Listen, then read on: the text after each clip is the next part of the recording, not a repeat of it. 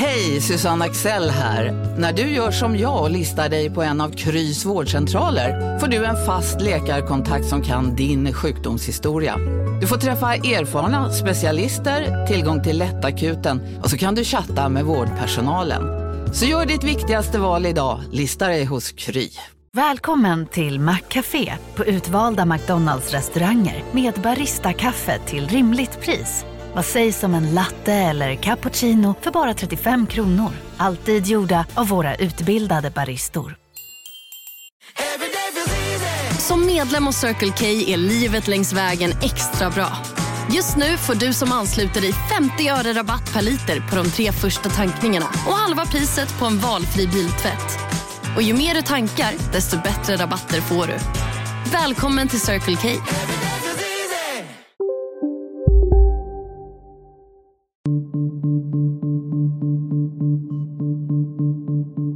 Jag tror att straffen bör alltid utdömas som en eh, rättvis vedgällning för en ond gärning. Det handlar inte bara om att vi har låga straff som inte förebygger tillräckligt många brott, utan det handlar också om att brottsoffer får inte upprättelse. Grova våldet har ju ökat. Um, och det går allt längre ner i åldrarna. Så det är ganska unga personer um, och, som gör allt grövre våld. Fördelen med hårdare straff är att en person som sitter inlåst kan inte begå brott. De flesta socialarbetare sitter inne på kontor och administrerar idag ett socialt arbete. Straffen i Sverige, som är väldigt milda, de har bara justerats marginellt. Hej och välkommen till fredagsintervjun live som vi sänder direkt med video och allt eftersom det här är en specialare. Det är ett samarbete mellan Kvartal och bokförlaget Fri Tanke. Jag heter Staffan Dopping. Vi sitter här i hotell och restaurang Hasselbacken på Djurgården i Stockholm. Temat för det här samtalet är brottslighet. Hur Sverige hanterar frågor som rör våld och annan grov kriminalitet och varför det ser ut som det gör idag. Och eh, uppfattningen att kriminella ska behandlas och få vård kommer vi att ta upp. Hur blev det så här? Och vi ska inte heller hoppa över frågan om vad kan man göra åt det? Och startskottet för samtalet är den här boken Gangstervåld av kriminalinspektör Fredrik Kärrholm. Gangstervåld, den nya brottsligheten. Fredrik Kärrholm, välkommen till fredagsintervjun. Tack så mycket. Eh, med tanke på den här våldsamma verkligheten och allting som rapporteras just nu på det här området, en ovanligt säreget vältajmad bok måste man säga. Tyvärr. Tyvärr säger du? Mm. Ja. Um, vi har en extrem situation i Sverige och vi har haft det under eh, lång tid. Ehm, den här utvecklingen är ju ingen nyhet utan trenden har ju varit tydlig väldigt länge. Men den senaste tiden har vi haft eh, flera eh, olika fall som har varit synnerligen råa som har uppmärksammats i media vilket har fört upp den här problematiken på agendan i det offentliga samtalet. Men, men problemet är ju egentligen inget nytt, även om det har blivit gradvis värre. Just nu är det i alla fall högt på den politiska agendan och på mm. hela medieagendan. Och bredvid dig så sitter vår andra gäst, Bettan Byvald, som är socialarbetare i Göteborg sedan mer än 30 år. Välkommen Bettan Byvald till fredagsintervjun. Mm, tack så mycket. Eh, min tanke är alltså att ni två tillsammans ska bidra med inblickar eh, och tankar om den brottslighet som framförallt präglar Sveriges så kallade utsatta områden. Vilka som utför den och hur polisen arbetar och hur mycket eller hur lite som är möjligt att påverka den här utvecklingen. Och eh, utgångspunkten är förstås alltså Fredriks bok. Men innan jag ber dig berätta om den, den viktigaste budskap där så tänkte jag att du, Bettan, lite grann kunde lägga ut texten om den verklighet som du ser, där du jobbar. Du gör alltså det i Angered, eh, i Göteborg, där det alltså är ett, sedan ett antal år mycket svår brottslighet och andra sociala problem. Eh, bostadsområdet Hammarkullen är ju din hemmaplan där. Eh, och det börjar bli rikskänt, den här platsen, för det är ju där som en av de här kriminella klanerna arbetar. Ja, ehm, um, jag, som sagt var, jag har varit i Angered mer än 30 år och man kan väl säga att det är en väldigt annorlunda eh, brottslighet nu än när jag började. Det fanns kriminella ungdomar som vi jobbade med, men det var inte alls på det här sättet. Så våldet har ju blivit grövre. Men framför allt så har de här kriminella nätverken, klaner och andra, de har en starkare påverkan på eh, lokalsamhället och de har ett våldsamt och grovt eh, våld som de utför. Mm. Och vi kunde ju se TV4 häromdagen och flera andra medier visade också de här bilderna på, som är tagna från polisers kroppskameror som visar hur några av de här personerna samlas i en ring runt polisen som är där för att gripa en viss person och det utslungas ett hot, vilket inte är det vanliga då. Men så att, och den personen som, gjorde, som hotade polisen är, om jag förstår saken rätt, en av de här aktiva i den här klanen som förresten Johanna Bäckström Lärneby har skrivit om i boken Familjen. Vad är det för sorts makt som den här, det här nätverket, den här släkten utövar där, där du arbetar? Det är ju inte bara släkten utan det är ett ganska stort nätverk där de ingår eller om det är de andra som ingår i deras nätverk. Mm. Och det är ganska vanligt tror jag för polisen när de eh, ska göra något ingripande att det här sker. Och de, de har flyttat fram sina positioner och vi kunde se för någon vecka sedan här hur de eh, två kriminella gäng som var oense om något, hur de trappar upp våldet och hur de eh, påverkar hela lokalsamhället med vägspärrar och kontroller, vilka som kommer in och ut. Men det är precis som Fredrik säger, det här har pågått länge, men nu det har blivit lite tydligare och det blir grövre för varje gång det uppmärksammas. Det här med vägspärren då, som ju väldigt många har häpnat över. Mm. Vad, är, vad, vad, tror du är bakgrunden till det? Ja, men de ville väl kontrollera så att inga fiender kommer in i eh, området. Um, för det var en sån konflikt. Men just att de vågar visa, eh, de vågar gå på torget maskerade, de vågar flytta fram och, och göra sig tydliga, det, det är något nytt. Mm. Eh, däremot är det ju inte någonting nytt att det finns kriminella klaner då, och, eh, men det blev ändå väldig uppmärksamhet i lördags när biträdande rikspolischef Mats Löving var med i Ekots lördagsintervjun och då sa att det finns minst 40 kriminella klaner i Sverige. Just nu har vi minst 40 stycken släktbaserade kriminella nätverk i Sverige, ja, så kallade klaner. De har kommit till Sverige, påstår jag, enbart med syfte att organisera och systematisera kriminalitet. De arbetar med att skapa makt, de har stor våldskapacitet, de vill tjäna pengar. Bettan Bylund, varför blev det sånt liv om det som Mats Löfving sa här? Mm. Ja, det vet jag inte riktigt. Det har ju varit känt länge att det finns klaner och att det finns eh, i Sverige. Men jag vet inte riktigt vad han har för definition på klaner och vad, vilka som är kriminella. Men eh, det, det, var en ganska hög siffra han kom med. Tror du att den är för hög? Jag vet ingen aning faktiskt.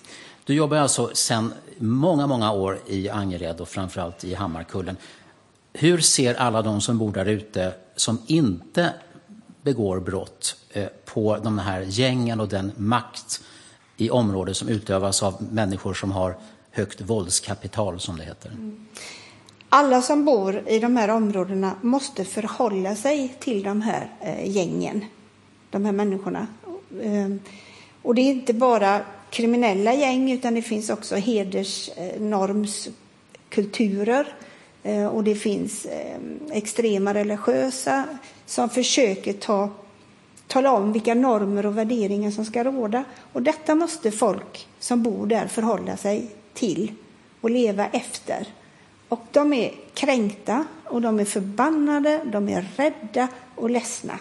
Men att det är så pass mycket brottslighet i det här området, vad är deras, de som bor där, vad är deras uppfattning eh, om vad det egentligen fram, främst beror på? Um, det vet jag inte riktigt, men de är ju frustrerade. Dels på att, eh, som nu när det var vägspärrar så kunde polisen eh, åka dit och stoppa dem efter ett tag och så ta bort dem. Men så dröjde det inte många timmar, timmar förrän de var där igen. Och sånt där sätter sig i människor. Och jag tycker hela, hela lokalsamhället när sånt här händer är som ett stort brottsoffer. Och, och vi vi, vi tar inte till oss det. Vi hjälper inte de här människorna på rätt sätt. Och vad kan du och andra socialarbetare göra för att förbättra läget eller motverka det här allvarliga? Det finns en sak som jag tycker har förändrats eh, till det negativa de sista åren och det är att eh, samhällets funktioner har dragit sig tillbaka. Vi, vi, är inte på gator och torg, vi är inte nära där folk bor. Vad är samhällets funktioner? Socialtjänst, polis. Att vi ska finnas och förstå vilka kontexter de här människorna lever i. Men du själv är ju där. Vad gör du för nytta? Ja, det kan man fråga sig. Ja, jag, för, ja, jag försöker um, föra upp den här bilden av som, de som bor uh, i områdena. Jag försöker uh, lyfta det. Vi, vi har lite sådana här försök med att uh, försöka stärka de här samhällsinstitutionerna så att vi ska finnas på plats. Nu har vi lite medgång, måste jag säga, med bostadsbolagen i Angered så att vi ska kunna göra något tillsammans. Eh, men det är, det är ju alldeles för sent, men bättre sent än aldrig. Tack så länge, Bettan. Fredrik Kärrholm, du jobbar ju nu som polis i Rinkeby i nordvästra Stockholm. Du är inte bara författare, du är också polis. Eh, och det är också ett särskilt utsatt område. Vet, kan du säga ungefär hur likt eller olikt du tror att det är mot Hammarkullen där Bettan jobbar? Ja, jag har ju periodvis eh, sedan ett antal år tillbaka jobbat i eh, yttre tjänst i flera områden i Stockholm och bland annat i Rinkeby eller Järva-området. Eh, Så det är där jag har min praktiska erfarenhet. Men eh, min bild utifrån information från, från Angered gör att jag ser stora likheter. Ehm, och det är finns flera saker som, eh, flera saker som gör de här så kallade utsatta områdena lika varandra. Och det är därför Angered såväl som Rinkeby och en totalt 60 bostadsområden i Sverige klassificeras som utsatta områden. Eh, och den gemensamma nämnaren är ju att det finns ett stort problem med brottslighet och organiserad brottslighet. Sen ser den något, något annorlunda ut. Eh, vissa områden har eh, något större problem med nätverk som kan beskrivas som eh, släktbaserade. Andra områden har större problem med nätverk som har mindre inslag av eh, släktband och där istället helt enkelt handlar det om att det är kriminella som har vuxit upp tillsammans. Det, det som Mats Löving sa i radio i lördags, det fick ju väldigt stor uppmärksamhet. Det var, det var lite oj, hoppsan, är det så här? Vad, vad, hur ser du på reaktionerna? Ja, jag personligen som har följt de här frågorna väldigt länge är lite eh, förvånad. Eh, per Brinkemo är en person som har skrivit och talat om den här problematiken väldigt länge. Eh, sedan så kanske det är så att eh, polisen inte har varit fullt så ehm, klarspråk klarspråkiga om situationen. Men jag tror framför allt att det handlar om att människor är mer mottagliga för de här budskapen idag. I samma andetag som Löving sa att det finns 40 kriminella klaner så, som har fått stor makt så förespråkade han också större befogenheter för polisen och rätt att avlyssna människor också som i nuläget inte har en brottsmisstanke. Att han berättar det här om klanerna är det första ett stöd för det andra, nämligen att polisen vill ha förändrade lagar och bestämmelser? Jag tror generellt sett så har polisen i Sverige eh, relativt begränsade befogenheter om vi jämför många, med många andra länder. Vi har också en mild lagstiftning, för att inte säga den mildaste i hela världen när det kommer till straff. Och naturligtvis är det så att i takt med att vi får ett allt grövre våld och en problematik som jag kallar gangstervåld så behöver polisen mer befogenheter för att hantera det. Ehm, och här finns det naturligtvis en integritetsaspekt att förhålla sig till och det finns rättssäkerhet att förhålla sig till. Ja, ingen efterfrågar en totalitär eh, stat, men att ge polisen något mer befogenheter tror jag är absolut nödvändigt. Eh, Mats Löving sa också i lördagsintervjun att svenska myndigheter inte riktigt gör sin del och att intresset för att göra det där delvis beror på hur hårt trycket är från medier och opinion. Mats Löving igen ur Ekots lördagsintervju. Vi tycker, det ska jag erkänna, att många andra i samhället, beslutsfattare, makthavare, åker jojo i sitt engagemang och vi känner inte ännu att vi har samhällets fulla stöd.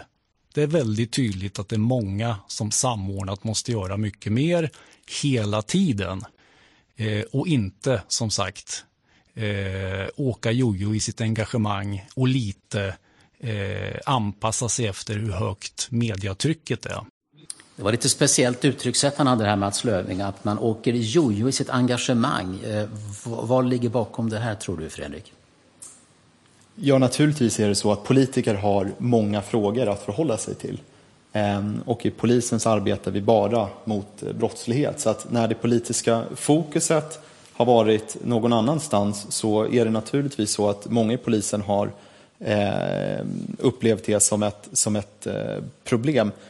Jag tror att huvudsaken är att eh, det här problemet nu har uppmärksammats och att vi får ett fokus på det eh, nu. Men jag tror att det... Men det var ett väldigt underkännande av andra delar av samhällskroppen tycker jag när han säger på det här viset. Ja, och det är ju också så att eh, polisen, vi befinner oss i den yttersta frontlinjen i kampen mot brottsligheten.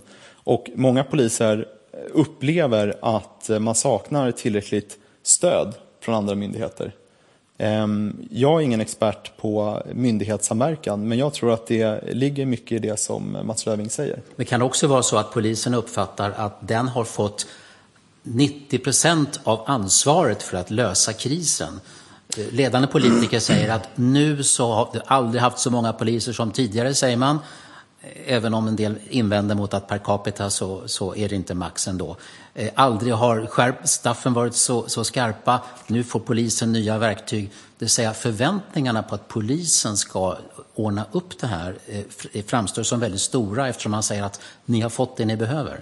Ja, och där tror jag att det generellt sett finns en alldeles för stor förväntan på att polisen ska lösa problemet.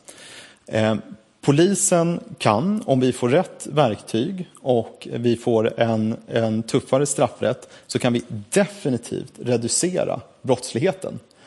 Men vi måste komma åt orsakerna till brottsligheten. Och där räcker inte polisen och straff hela vägen fram. Men jag skulle också vilja invända mot den eh, beskrivningen som du ger, för den är väldigt vanlig, att man säger att polisen har fått mer befogenheter och straffen har skärpts. Jag skulle säga det att eh, de straffen i Sverige som är väldigt milda, de har bara justerats marginellt. Sverige har fortfarande en av världens mest milda straffrätter. Och om vi tar ett konkret exempel så regeringen talar väldigt mycket om skärpta straff men om vi börjar titta på det här så handlar det exempelvis om att grovt olaga tvång, minimistraffet höjs från sex månader till nio månader. Eller att eh, straffet för grov utpressning, minimistraffet har skärpts från ett år till ett och ett halvt år. Vi ska återkomma till, till straffnivån där. Eh, din bok som nu kommer den har alltså titeln Gangstervåld. Annars brukar vi mest tala om gängkriminalitet, eh, om gängvåld eller om grov organiserad brottslighet. Du har valt ordet gangstervåld. Är det för att det har en suggestiv och dramatisk klang eller, eller har du bra sakliga skäl till att ta till just det ordet? Jag tycker mig se att vi har fått en ny typ av eh, subkultur i Sverige, en form av gangsterkultur. Gangster är ju ett eh, ord som är hämtat från engelskan och med det så följer en, eh, en livsstil. Ehm, det handlar inte om personer som behöver finansiera missbruk och så kallade ungdomar på, på glid som Bettan under sin långa karriär har, har jobbat mycket med, utan det här handlar om personer som de vet precis vad de gör. De har en annan uppfattning om rätt och fel. De väljer att ställa sig utanför samhället. Eh, och det präglas av en oerhörd våldsamhet, ett eh, polisförakt, en eh, drogliberalism. Ehm, och det här är ett nytt fenomen som jag tycker fångas väldigt väl av begreppet gangstervåld. Din bok är ju inte så voluminös vad gäller antalet sidor, men den famnar över väldigt mycket. Främst över hur brottsutvecklingen har varit, eh, det som du kallar för den nya brottsligheten, var det har vuxit fram, hur straff fungerar, fängelse framför allt, vi ska återkomma till det, eh, eh, att miljonprogramsområdena, hela deras utformning har spelat roll för den här utvecklingen och invandringen har bidragit till situationen, hävdar du i boken. Och så det här, ett moraliskt och som du säger kulturellt problem. Och en, en bärande budskap är ju att brottsoffer i Sverige i många fall inte får någon upprättelse. Eh, men det här att Sverige ligger så mycket sämre till än flera andra länder i Västeuropa, till exempel mer än tio gånger så vanligt att män mellan 15 och 29 år mördas med skjutvapen här än i Tyskland. Varför är det så? Ehm, om vi tittar på just, om vi tar exemplet med skottlossningar, låt oss komma ihåg att gangstervåldet det är ett mycket större problem än skottlossningar och bombattentat. Jag vill bara säga det först. Ehm, det, det, handlar om brutala rån, grov utpressning, människorov, övergrepp i rättssak, brottsoffer som inte vågar anmäla, vittnen som skräms i tystnad, hämndattacker mot poliser. Men om vi tittar just på skottlossningar ehm, så kan vi se att det är åtta gånger så vanligare att skottlossningar sker i utsatta områden i förhållande till befolkningen. Ehm, och i princip alla av de här gangsterskjutningarna har någon koppling till utsatta områden i form av gärningsman eller målsägande. Ehm, och de här utsatta områdena har ju tidigare betecknats som utanförskapsområden. Ehm, och den här typen av utanförskapsområden, eh, omfattningen av dem, de, de finns inte i eh, våra nordiska grannländer. Ehm, och i utanförskapsområdena så har det vuxit fram den här gangsterkulturen som jag återkommer med i boken. Det skulle jag säga är huvudförklaringen till att vi ser den här brottsligheten i Sverige eh, men inte i andra jämförbara länder. Ehm, och sen nämner du invandringen och då får man ju naturligtvis konstatera att de här utanförskapsområdena existerar i stor omfattning i Sverige och inte i till exempel Norge, Danmark och Finland för att vi har haft en mycket större invandring. Det går inte att diskutera de här frågorna på ett intellektuellt hederligt sätt utan att diskutera utanförskapsområden, kultur och invandring. Idag är det inte många som förnekar att läget är allvarligt, men när det gäller analysen, mm. som vad som är främst har orsakat utvecklingen, så är det inte lika mycket Eh, samstämmighet. När statsminister Stefan Löfven intervjuades för, ja, förra hösten i Agenda eh, Eh, efter några väldigt uppmärksammade gängrelaterade våldsbrott så uttryckte han sig så här. Så det viktigaste vi gör här det, det är att minska skillnaderna i vårt samhälle. Vi har också sett ökade klyftor under lång, lång tid och de skillnaderna i samhället måste minska. Den organiserade brottsligheten den beror till det som du själv sa på, på segregation, att det har tillåtits eh, fortgå allt för länge. Eh, men det beror ju på eh, just arbete, är det brist på arbete, då kan det faktiskt hända exakt vem som helst. Det kunde hända vem som helst som hade liknande omständigheter. Det budskapet hade Stefan Löfven förra hösten och också den här senaste dagarna så talar man om att det är segregation som ligger bakom sociala orättvisor.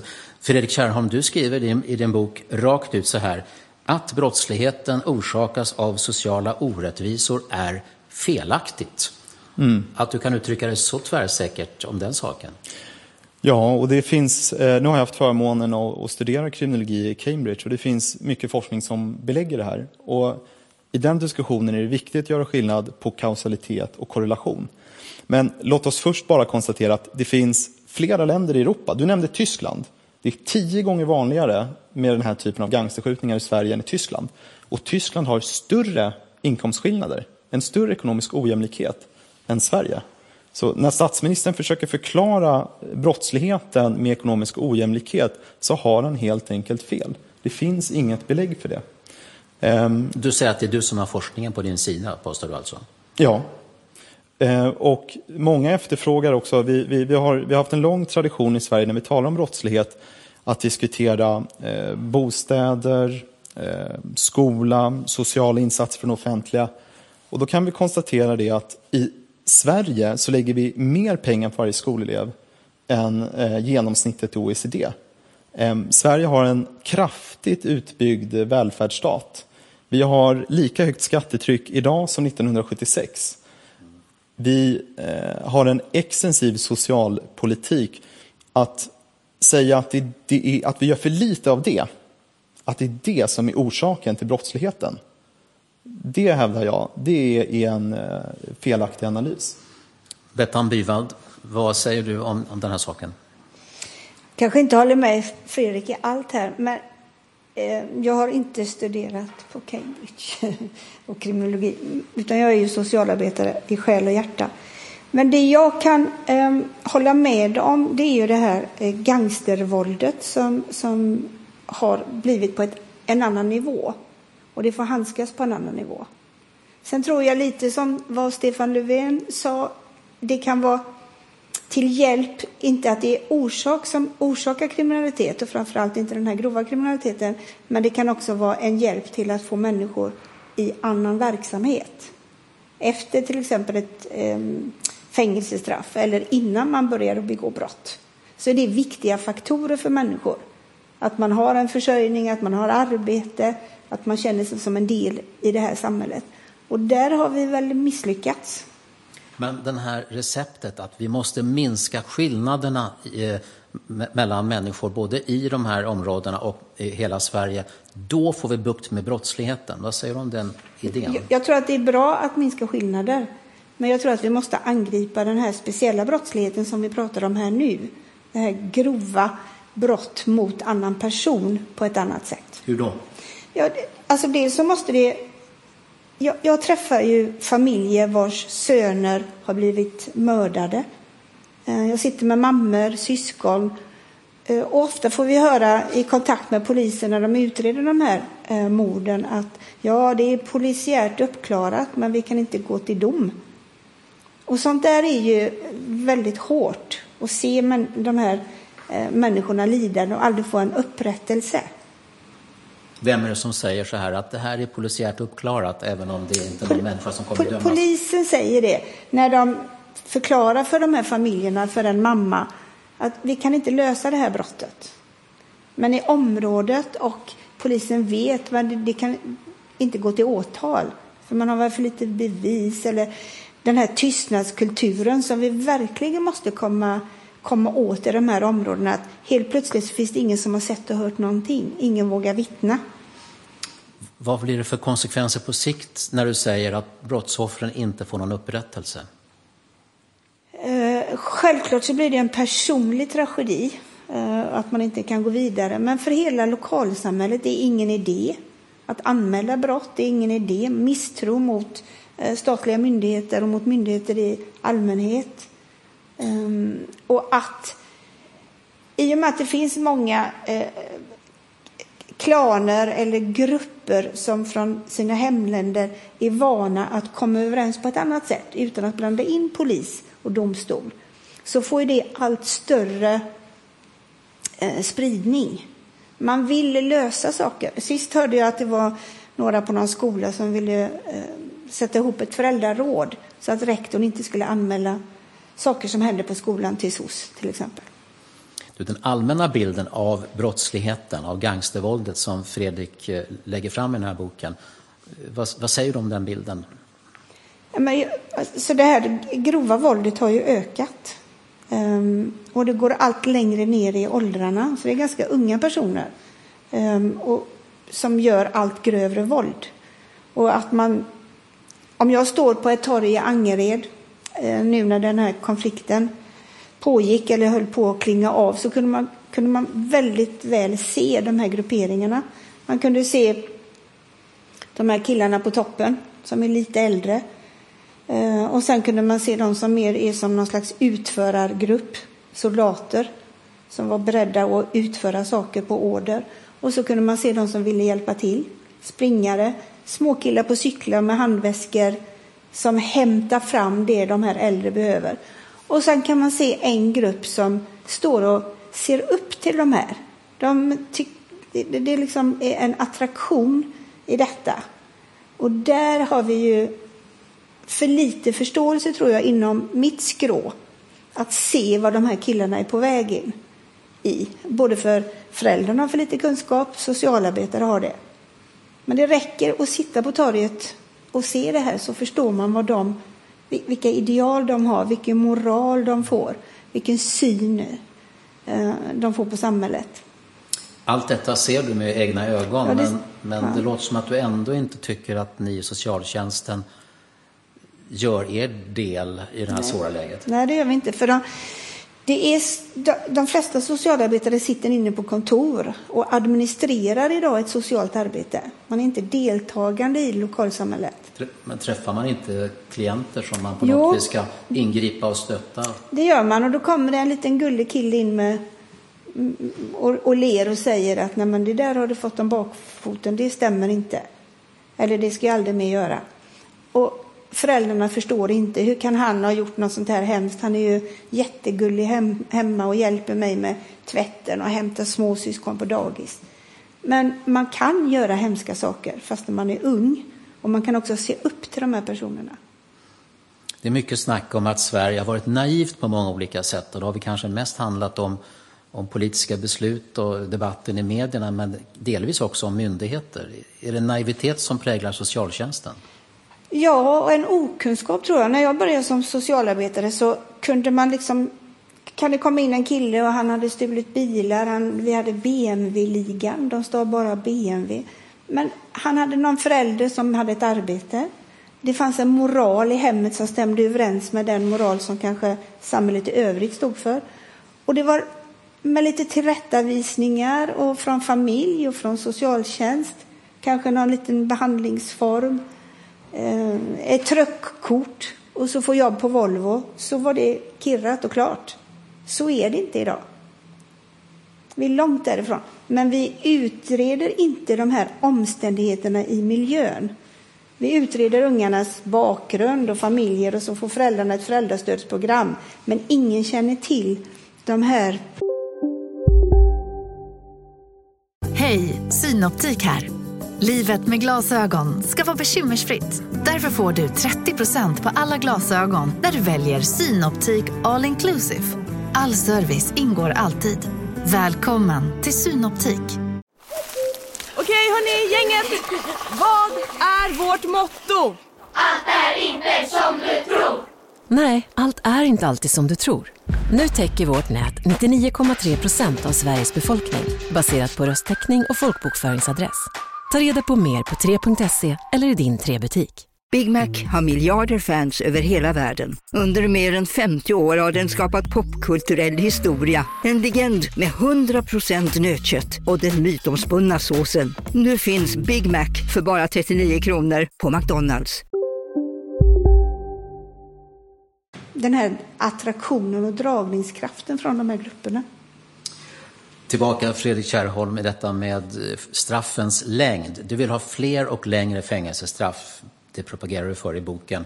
Det där skulle nog en del debattörer även idag lite grann stämpla som populism eller till och med fiskande i grumliga vatten. Eh, kan du belägga det där att, att det kommer bli mycket, mycket bättre om vi har mycket, mycket längre straff? Kriminologer i Sverige har ju under lång tid eh, sagt att hårdare straff fungerar inte. Och de har alldeles rätt när det handlar om att göra individen till en bättre och laglydig, eh, välfungerande samhällsmedborgare. De har också rätt i att hårdare straff har ingen större avskräckande effekt.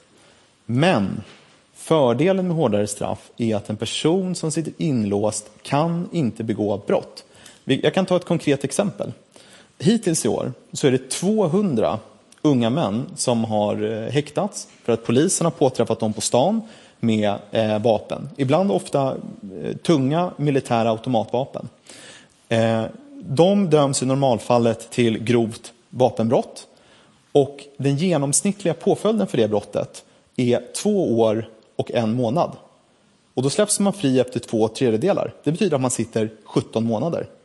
Och när de kommer ut från det fängelsestraffet så fortsätter de med att begå brott. Och den genomsnittliga åldern för de som faktiskt använder vapen och skjuter, den är 23 år enligt Brottsförebyggande rådet. Så fördelen med hårda straff är att om du då får fatt på en person som är 19, 20, 21, för den här typen av gangsters inleder sin kriminella karriärer väldigt eh, unga och det tror jag ni ser i Angered också. Om du då får fatt i dem i ung ålder för relativt grova brott och låser in dem under lång tid så kommer du förhindra väldigt många brott. Och när de kommer ut igen så har de blivit betydligt äldre. Och det man ser i kriminologisk forskning är att stigande ålder är den viktigaste faktorn som minskar människors brottsbenägenhet. Men det är väl först vid 30, 40, 45 som man verkligen kan lita på att åldern dämpar benägenheten att begå grova brott? Nej, eh, hjärnans frontallob som styr vårt konsekvenstänkande är färdigutvecklad vid 25 års ålder i genomsnitt. Det är också därför vi ser, som jag sa, att genomsnitt, medianåldern för de som misstänks för skjutningar är 23. Så att om du låser in eh, personer, även om de kommer upp i över 20-årsåldern, så förutom då att du har förebyggt väldigt mycket brott för att du har låst in en farlig individ, så kommer den personen vara mindre brottsbenägen när han kommer ut igen. Eh, I Danmark talas det mycket om det. Mm. Idag rapporterar TT om en dansk sammanställning av antalet gängkriminella där, hur det har sjunkit sedan 2013. Just nu finns det drygt 1100 gängkriminella enligt Danmarks brottsförebyggande råd, motsvarande där. Och det är en minskning med 600 på sju år.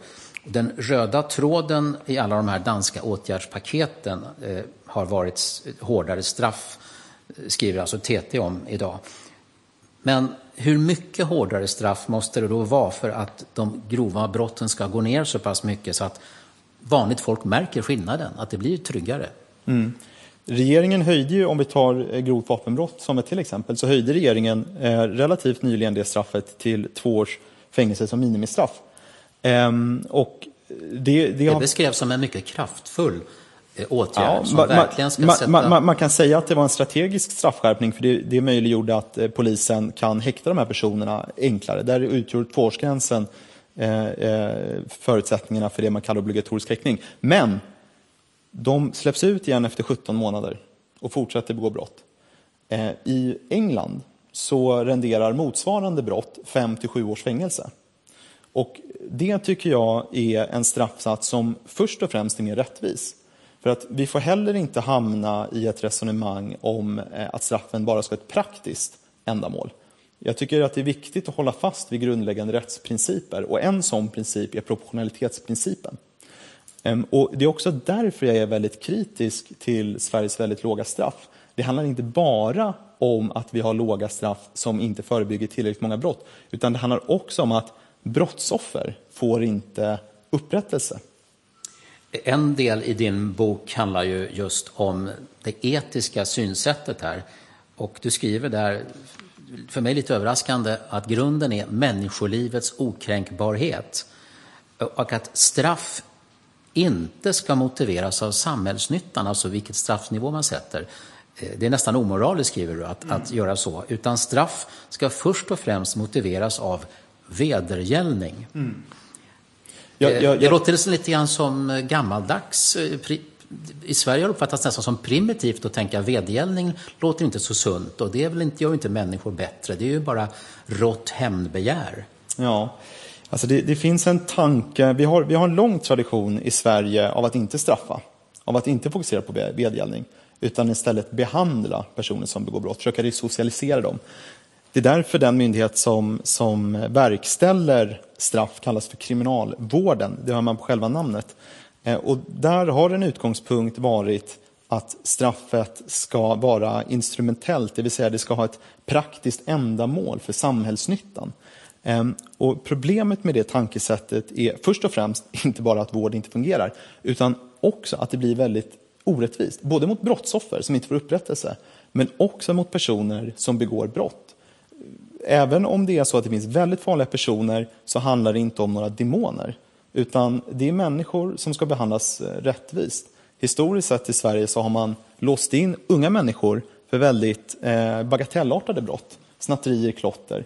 Och så har man löpande prövat, är du färdigbehandlad? Och när du är färdigbehandlad så släpps du ut. För mig för det tankarna till gökboet. Och jag är orolig att nu när vi talar om att vi måste inkapacitera farliga individer, som vi är allt fler av, vilket är alldeles rätt, att man ligger kvar i det tankesättet och helt enkelt spärrar in människor eh, på helt enkelt orättvisa grunder. Jag tror att straffen bör alltid utdömas som en eh, rättvis vedgällning för en ond gärning. Men gör vi det, då kommer vi få den positiva bieffekten att farliga personer kommer inkapaciteras och brottsligheten kommer minska. Men det börjar med ditt etiska resonemang, alltså. Det är viktigare för dig? Ja, det skulle jag säga. Ehm, jag tycker inte att eh, vi kan ta personer idag som kanske socialtjänsten identifierar som väldigt våldsamma och polisen också gör det eh, och helt enkelt spärra in på obestämd tid tills vi tycker att nu är de inte farliga längre. Det är inte ett samhälle jag vill ha, utan jag vill ha ett samhälle som bygger på en klassisk straffrätt eh, där man får ett rättvist och proportionerligt straff. Jag får en känsla av att det, det, din budskap här är i skarp eh, konflikt med, med det, det, som de mest kända kriminologerna i Sverige i många år har haft. I, i allra högsta grad, och många kriminologer eh, för resonemang nu, ja, ja, vi, vi, vi, kanske behöver hårdare straff, men det är viktigt att differentiera så att vi eh, inkapaciterar rätt personer. Och jag menar tvärtom att vi ska ha en lika behandling och en likhet inför lagen. Och det är gärningen som ska straffas Eh, individen ska straffas för gärningen man har begått. För nu kan ju så att säga samma brott ge väldigt olika eh, påföljd för man gör en bedömning av vad just den här personen mår bra av eller behöver. Mm. Och det tycker jag är, är fel väg att gå. Ja. Bettan, har du några tankar om de här sakerna? Ja, men jag tycker det är viktigt med ett personligt, att man har ett personligt ansvar. Um, sen tycker jag det är viktigt, min del i det här är väl lite när de ska komma ut från det här straffet. Man har ju kriminalvård som Fredrik säger, men vi har ingen vård efter det. Eller väldigt lite. Och där är det också väldigt viktigt att vi kan hjälpa människor att inte gå tillbaka. Men tror du att det skulle ibland vara bättre för er socialarbetare om en person som har begått ett brott eh, fick ett ganska skarpt straff eh, som en markering av gärningen och sen kom ut till er och så var det ni som stod för mera vårdande uppdraget? Ehm, ja, eh, i, i de här grova våldsbrotten mot annan person så tycker jag nog att man ska förstå att det här, det här, nu straffas jag för detta. Så tänker ju ofta de unga personerna som vi eh, träffar. Eh, de tänker själva så. Sen tror jag inte att när det gäller annan brottslighet och unga personer och förstagångsförbrytare eh, så ska man inte ha det här resonemanget. Då, då är det ett annat resonemang. När det handlar om de här grovt kriminella personerna som nu ibland då har, kan begå väldigt, väldigt brutala brott. Har du under dina dryga 30 år som socialarbetare ändrat uppfattning i några grundläggande frågor här? Har det skett någonting eller har du ungefär samma inställning som när du var ny på jobbet? Nej, jag, jo, jag tror att jag har ändrat eh, utifrån hur samhället har förändrats så förändras man ju såklart. Och eh, den här grova brottsligheten och den här, alltså de här som verkligen vill skada eh, alltså det demokratiska samhället. Det, det gör mig väldigt ledsen och upprörd faktiskt. Sveriges mest kända kriminologer måste väl ändå vara Leif GW Persson och eh, Jerzy Sarnecki. Eh, men det finns en annan meriterad men mindre känd svensk kriminologiprofessor eh, som heter Per-Olof Wikström och som är verksam i Cambridge. Samma Cambridge där du för övrigt har varit aktiv, eller Ja, och haft förmånen att undervisats av Per-Olof. Ja, du lutar dig mot denne Per-Olof Wikström i boken kan man säga. Vad är det som han förstår när det handlar om, om, om brottslighet och dess orsaker eh, som är bättre än det som Sarnecki och Persson kommer med? Ja, alltså han har skrivit om någonting, eh, eller han har utformat en, en teori som är mer eh, heltäckande. För att eh, vi kan konstatera att socioekonomiska faktorer räcker inte för att förklara brottslighet. I slutändan, om du väljer att begå ett brott eller inte, så handlar det om personlig moral. Det är så att säga den yttersta spärren. Om vi bortser från situationer som handlar om eh, svält och att du behöver bröd för dagen. Men det är inte den typen av anledningar till att människor begår brott i Sverige idag. Eh, och moralen hos den enskilde formas genom kulturen. Och det är därför det är så problematiskt att vi har den här eh, gangsterkulturen i framförallt våra utanförskapsområden idag. Men du, vad är det Wikströms teori, då, den situationella handlingsteorin på svenska? Eh, vad, den, det, det är tre stycken kontrollstationer innan man begår ett brott? Nå, något förenklat så, så, så, beskriver jag den som det. Alltså först måste du ha ett motiv till att begå brott. Det vill säga att, att jag vill ha den där jackan eller den där mobiltelefonen. Ehm, och i, i, i, nästa steg då, om du har en form av självbehärskning, så funderar du på, okej, okay, men vad är riskerna? Eller vad finns det för hinder? Fin, finns det någon eh, väktare här?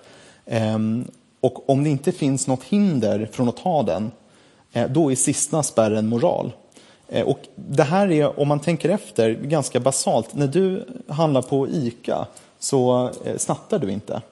Trots att det skulle vara den enklaste saken i världen för dig att plocka på dig någonting. Och även om du blev upptäckt vid kassan skulle du bara kunna ursäkta dig. Det, blev det skulle vara otroligt pinsamt, så jag måste säga att den, den, har en viss avskräckningseffekt även om det är ett lågt straff.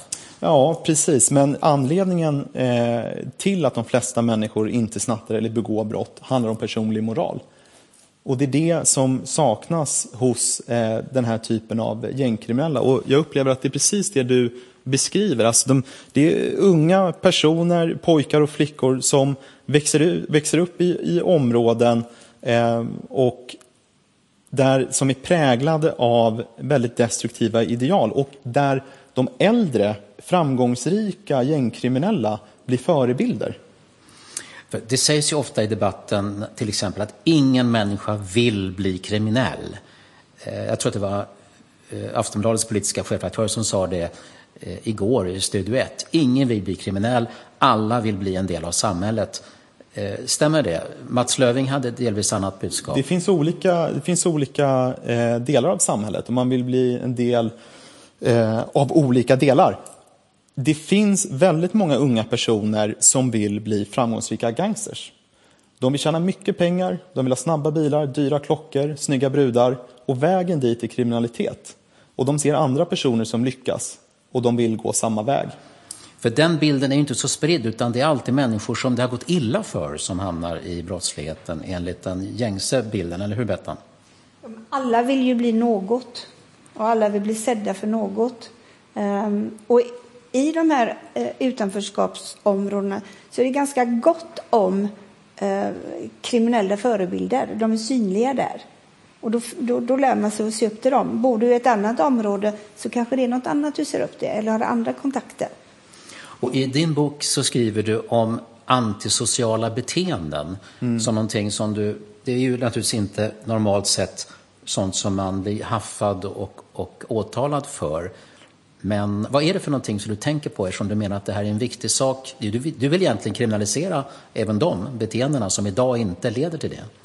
Ehm, ja, eh, och återigen så kan vi jämföra med, med andra länder. Till exempel England, där man har kriminaliserat det man kallar antisocial behavior. Det har inte funnits något behov av en sån lagstiftning i Sverige för att Sverige har under eh, lång tid varit ett väldigt välfungerande samhälle där de flesta människor har eh, uppfört sig väl.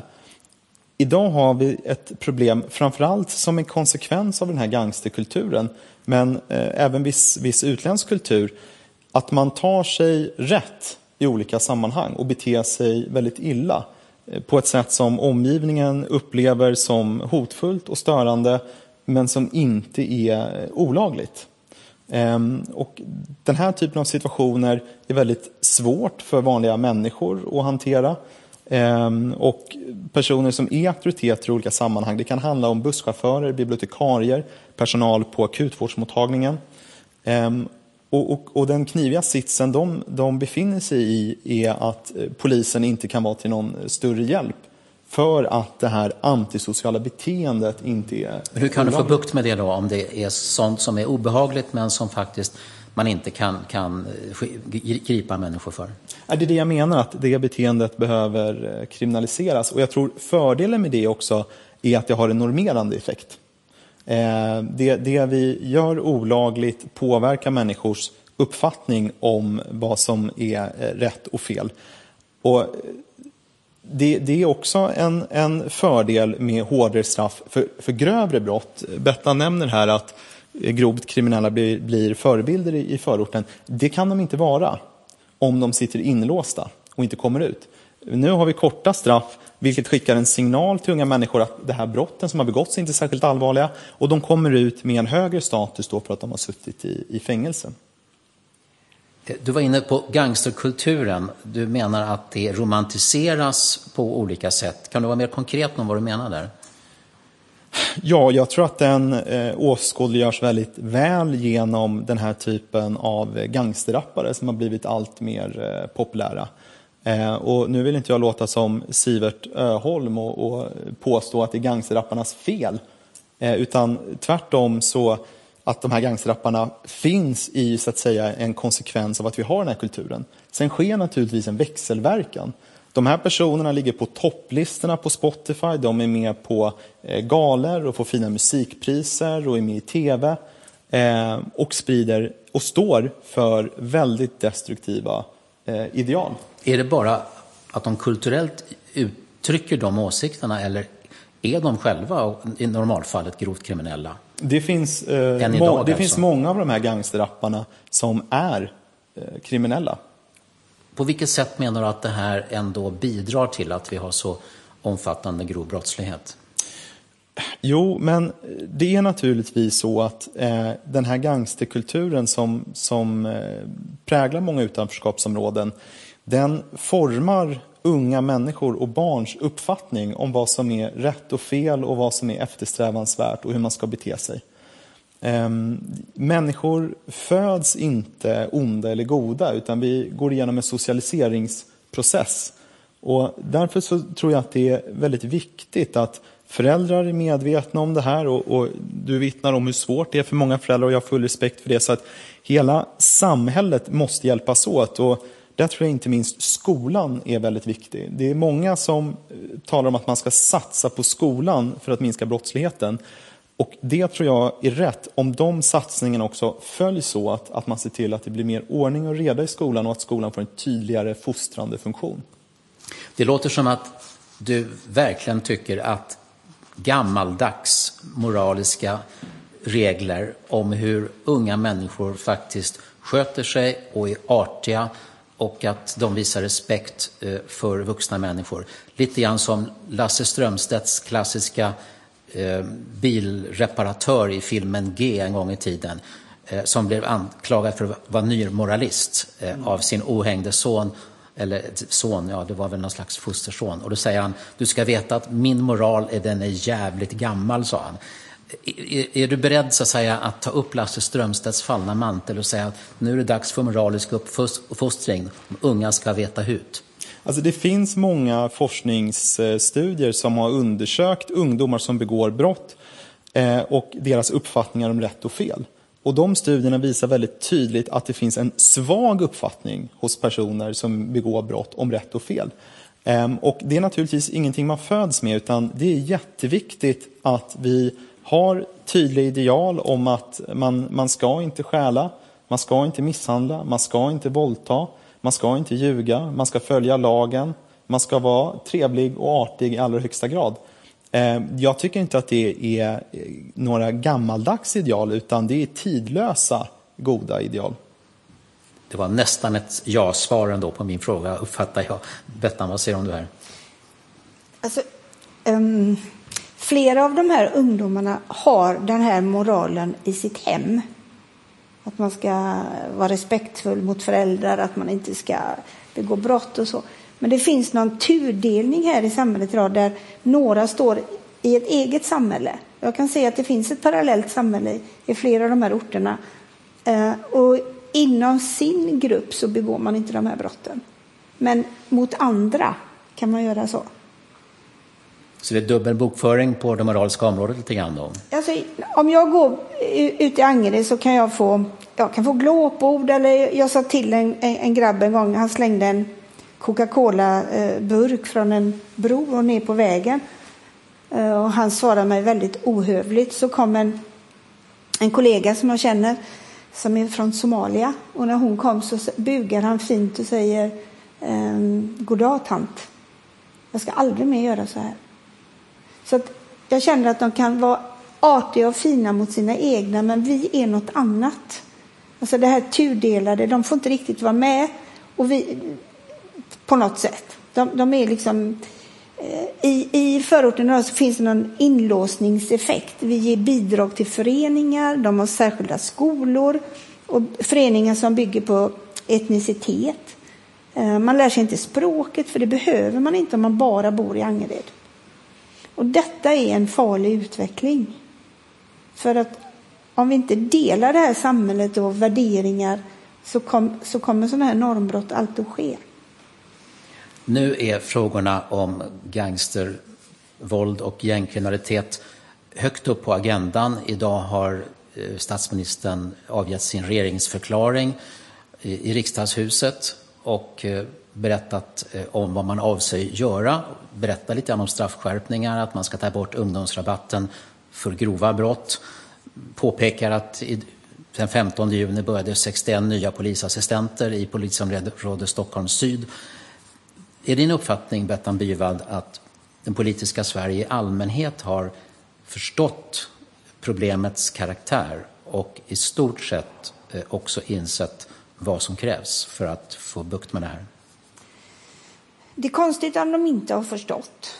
Sen tror jag det finns lite olika, delningar, de, de, äh, olika meningar om hur man ska gå vidare.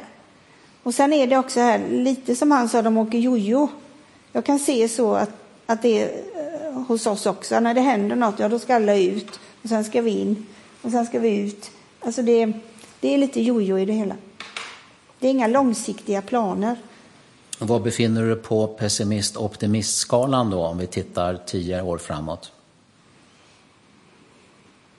Ja, jag vill ju vara optimistisk, men det ser, inte, det ser inte så himla ljust ut. Fredrik Kärrholm, i den här breda eh, paletten av, av nedslag och förslag och nästan krav på en förändrad straffrätt och förändringar på en rad eh, områden. Vad är det som du vill, om du inte får ta allihopa som säger lika viktiga, utan om det är liksom punkt 1, 2, 3 i prioritet, vad lyfter du fram då? Och, och, och där vill jag ju framhålla att det finns ju jättemycket som man behöver göra. Ehm, och vissa saker är kortsiktiga åtgärder och annat är mer eh, långsiktigt. Vissa behandlar symptomen och vissa behandlar eh, orsaken. Och diskussioner om de här åtgärderna det blir ofta ganska eh, rörigt och det är svårt att, att hålla isär. Men naturligtvis då så är det absolut viktigaste nu är att sätta stopp för det pågående dödliga våldet. Ehm, och då har vi inte råd att vänta på de här långsiktiga åtgärderna genom någon form av kulturförbättring eller sociala insatser. Utan då handlar det om att, för att återknyta till det exemplet jag gav, de här 200 personerna som blev häktade för grovt vapenbrott de ska ha eh, långa straff. De behöver sitta inne fem, sju, kanske åtta år i fängelse. Både, framförallt hör vi moderater och socialdemokrater som säger att nu minsann har vi kommit fram med de riktiga förslagen som, som kommer att ge effekt. Finns det, finns det någon politisk ledande företrädare som är i närheten av nivån på dina förslag? Jag skulle säga nej. Ehm, det är ingen som går tillräckligt långt. Det handlar genomgående om marginella eh, justeringar. Nu föreslår ju för sig Moderaterna till exempel att, att man ska till och med avskaffa mängdrabatten om jag förstått det rätt. Det vill säga om du döms för fler brott ska det plussas på. Men eh, många och framförallt unga farliga personer som begår väldigt många brott blir ofta bara dömda för ett brott. Ehm, så att det är väldigt viktigt att höja straffen på ett rättvist sätt. Och där ser jag inte att någon förespråkar det jag tror behövs och det är en genomgripande straffrättsreform. Det går inte att hålla på heller och dutta med olika straffskalor utan man behöver se över hela straffrätten. Vad tror du att din bok kommer att få för respons när fler har tagit del av den och eh, det kanske påverkar och hamnar mitt i, i den politiska debatten om kriminaliteten? Um, du, vad väntar du dig? Har du liksom, mm, ja, känner du på dig vad som väntar? Jag förväntar mig mycket kritik för att jag eh, ifrågasätter både regeringen och stora delar av oppositionen. Eh, jag, för, jag, jag, jag, är kritisk till, till stora delar av eh, kriminologin i Sverige. Eh, och naturligtvis kommer, kommer de inte eh, bocka och tacka för rättelsen utan de kommer säga emot, men det är också just därför jag har känt att det är angeläget att skriva den här boken. Ehm, dels genom att hämta hem de kunskaperna jag har förvärvat i Cambridge från internationella kriminologin, men också bidra med mitt perspektiv som eh, polis och de erfarenheterna jag har fått med mig genom min tioåriga yrkeskarriär. Ja, för du, är ju, du har ju både varit med väldigt mycket på marken samtidigt som, som du då har studerat kriminologi. Eh, men du betonar här att jag är inte forskare utan jag är polis. Eh, vad, vad är det som hade blivit annorlunda om du så att säga inte hade grundat väldigt mycket i vad du har sett med egna ögon? Jag är inte säker på att mina slutsatser hade varit så eh, annorlunda utan det handlar mer om en varumärkesdeklaration. Men tror du att, att um, du kan förändra både, både debatten och um, de framtida politiska besluten med din bok? Jag hoppas att jag påverkar lite grann. Men framförallt tror jag att verkligheten kommer påverka. Många av de politiska eh, reformer som nu har genomförts och diskuterats, de kommer inte få någon annan påverkan än möjligtvis på valresultatet.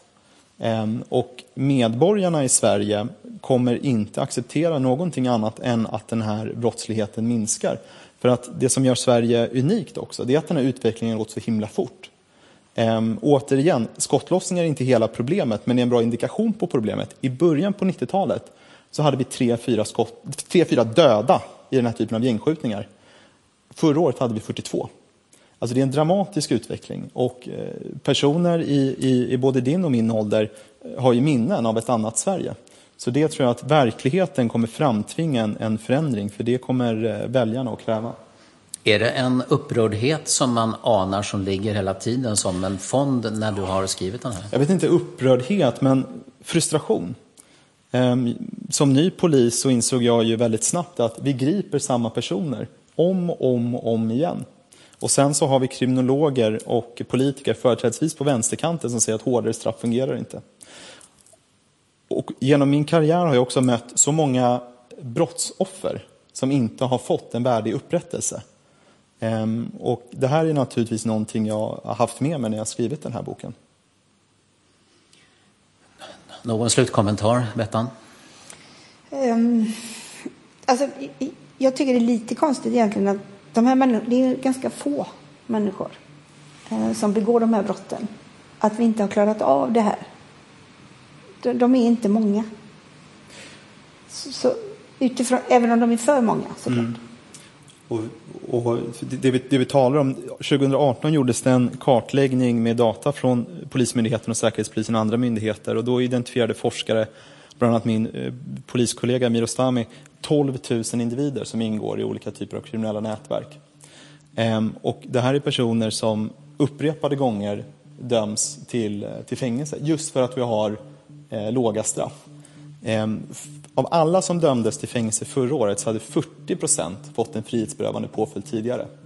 Det finns 8000 personer i Sverige som har lagförts tio gånger eller mer. Nu förespråkar inte jag några lagar, three strikes and you're out, men den här typen av personer måste få hårda straff och inkapaciteras. Just nu så har vi svängdörrar på Kumla. Fredrik Kärrholm och Bettan Byvald, tack för att ni var med i fredagsintervjun. Live special. Tack, tack.